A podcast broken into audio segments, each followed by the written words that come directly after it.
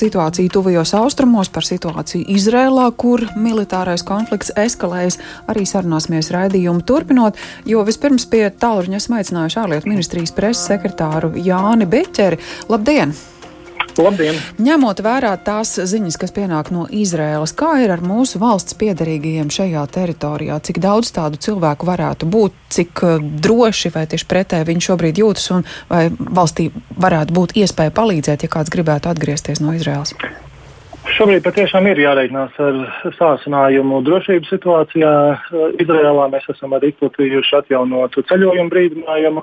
Nu, saprotams, ka šajos apstākļos nav ļoti liela kustība starp Latviju un um, Izrēlu. Uh, Mūsu konsulārajā reģistrā šobrīd nav reģistrējies neviens ceļotājs, kurš uzturētos valstī, taču nu, mēs esam diezgan pārliecināti, ka noteikti ir kāds ceļotājs, jo ir arī tiešie reisi, lai gan Izrēlā nav tik viegli ieceļot un tikai noteiktam uh, cilvēku lokam tas ir atļauts, bet uh, nu, latvieši jau tiek ļoti daudz, kur un es būtu pārsteigts, ja tiešām neviens ceļotājs tur nebūtu. Un skaidrs, ka ļoti daudz arī um, mūsu valsts piedarīgie pastāvīgi uzturas Izrēlā kāds un kurā statusā ir gan dubultpilsoņi, gan, gan, gan dažādi. Tie ir vairāk tūkstoši cilvēku, kuri dzīvo pastāvīgi Izrēlā. Bet līdz ar to tā viņu vēlme šobrīd uh, lūgt valstī palīdzību, repatriēties, nekāda tāda situācija vēl nav bijusi.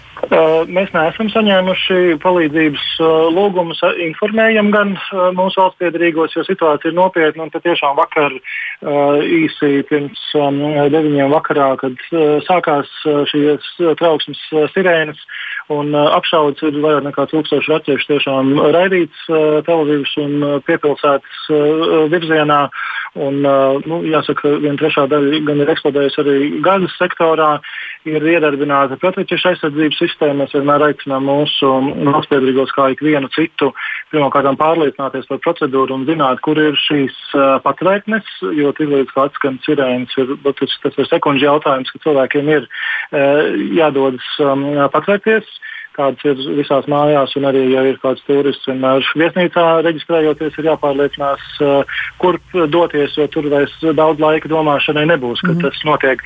Un arī šodien ir izplatītas um, ziņas, ka varētu pēc pusdienas četriem atkal būt uh, uzbrukums, līdz ar to šī situācija joprojām ir sarežģīta.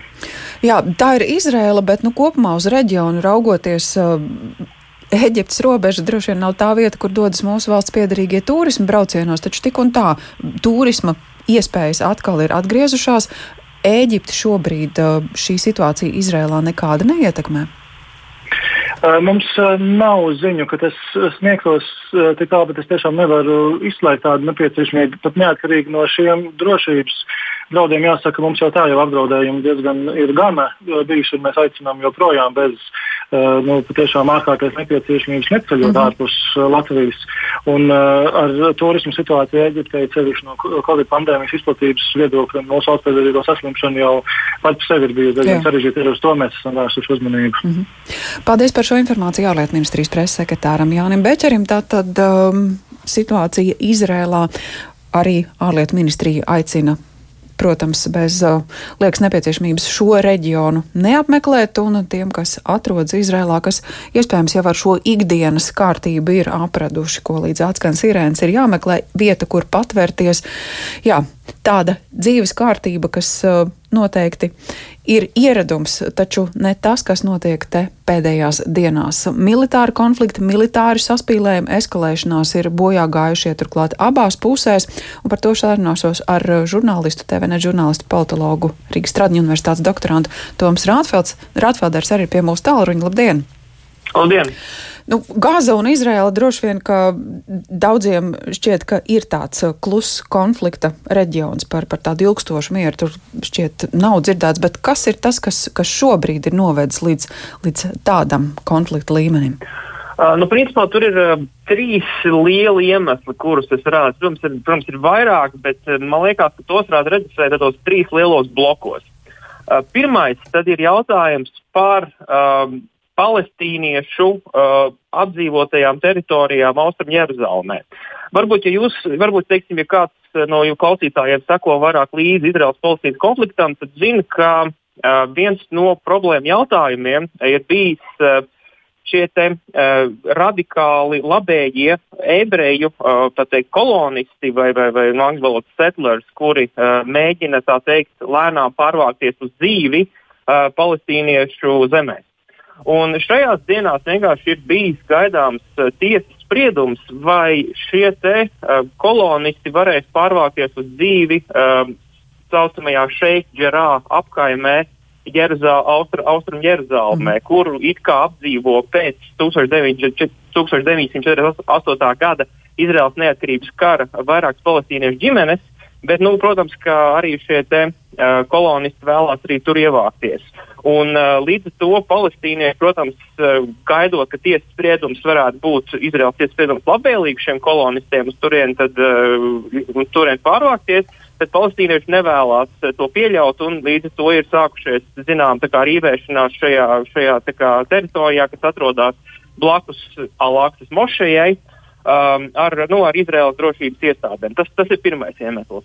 Uh, otrais iemesls - jāatcerās, ka pagaidām um, islāma pasaulē norisinās uh, svētākais mēnesis Ramadāns. Jā. Un eh, šī Alaksas mošeja ir eh, ārkārtīgi simboliski svarīga musulmaņiem kopumā, nu, visā, visā principā, musulmaņu pasaulē. Un tad loģiski, ka nu, šie cilvēki rabatāna laikā vēlēsies iet uz Alaksas mošeju, lūgties, piedalīties dažādos reliģiskos pasākumos. Bet nu, Izrēla kontekstā ar šo jautājumu par šeit ģerāfaimi un nu, saistībā arī ar to, ka Izraēlas varas iestādes atbalsta savā ziņā šo, šo uh, radikālo ebreju ekspansiju, tad uh, nu, ar, ar vēlēšanos izlīdzināt šos protestus, uh, kas notiek šajā, šajā apkaimē, tad uh, viņi tā, tā teikt, no, parāda sevi, nu, nostāda sevi kā cilvēkus, kuri pat neļauj teikt, palestīniešiem šajā Ramadāna svētā mēnesī normāli lūgties. Mm -hmm. Tad loģiski, ka tas izraisa arī no palestīniešiem zināmas, zināmas dusmas. Trešais iemesls Jāatcerās, ka Izrēlā nesen arī norisinājās vēlēšanas, un pagaidām notiek arī jaunas valdības veidošanās process. Un pašreizējais premjerministrs Benjamins Netanjahu, kurš, protams, arī vēlas turpināt spēlēt kaut kādu zināmu politisko kārti uh, Izraels, Izraels politikā, viņam ir vitāli svarīgi konsolidēt savu atbalstu bāzi, kura sastāv arī tā skaitā no šiem te galēji labējiem kolonistiem, kā, kā es teicu. Uh, Un, respektīvi, viņš pat savā ziņā ir teikt, uh, ieinteresēts parādīt, ka viņš nestāsies ceļā ar viņu principā, šo galējo labējo kolonistu vēlmēju pārņemt savā kontrolē šīs te pa palestīniešu teritorijas. Nu, līdz to tas pie, piešķir vēl vairāk, vēl lielāku liesmu jau tā, principā, nokaitētajai situācijai. Mhm. -huh.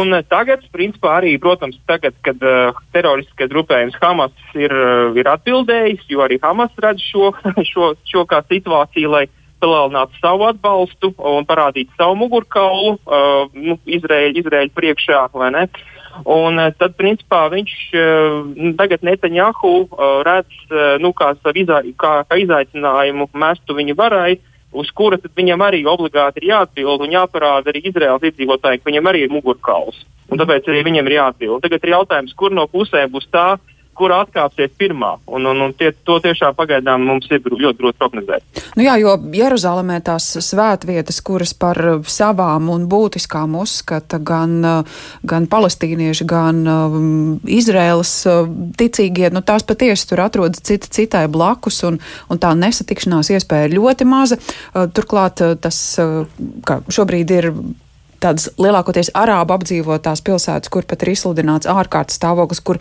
izskan minējums, ka varētu pat uh, vērsties uh, uz pilsoņu kara pusi tās aktivitātes, kas tur ir.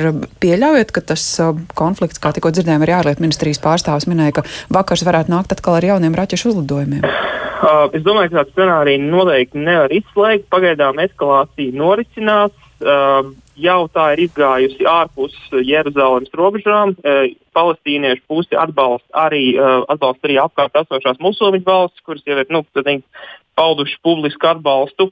Un ir viedoklis izskanējis, pilnībā es piekrītu par tā saucamo trešo intifādu, ka tas potenciāli varētu eskalēties līdz vēl vienai lielajai Palestīnas atcelšanai. Nu, zinām, nedaudz vēsturē bija div, ir, div, ir bijušas divas lielas palestīniešu sacaušanās. Pirmā intifāda, kas bija 90. gada sākumā, un otrā intifāda, kas bija 2000. gada sākumā.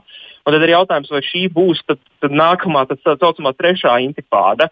Bet uh, tajā pašā laikā ir iespējams arī, protams, ir, protams iespēja, ka abas puses vienkārši atrod kaut kādu risinājumu, kā teikt, saglabāt savu seju uh, un, un, un no, no eskalācijas aiziet. Tāpēc es domāju, ka mums ir jāskatās, jāvēro, bet šādu scenāriju mēs, protams, nevaram izslēgt. Nu jā, ņemot vērā arī Izraels aizsardzības ministra paziņojumu, ka viņu mērķis ir totāls ilgtermiņa miers. Jautājums, kā tādu panākt šajā situācijā, arī droši vien ir grūti atbildams. Paldies par šo komentāru Tomam Rātfelderam, TVN žurnālistu, politologu un Rīgas Tradiņu universitātes doktorantu bijām aicinājuši pie tālruņa, lai paraudzītos uz uh, iemesliem, tikko dzirdējām trīs, kas izraisījušas militāru konfliktu un sadursmi eskalāciju Izrēlā. Karsts punkts pasaules kartē, pasaules politiskajā kartē un notikumiem Izrēlā noteikti sekosim arī rītdien raidījumā divas puslodes. Tas būs viens no tematiem.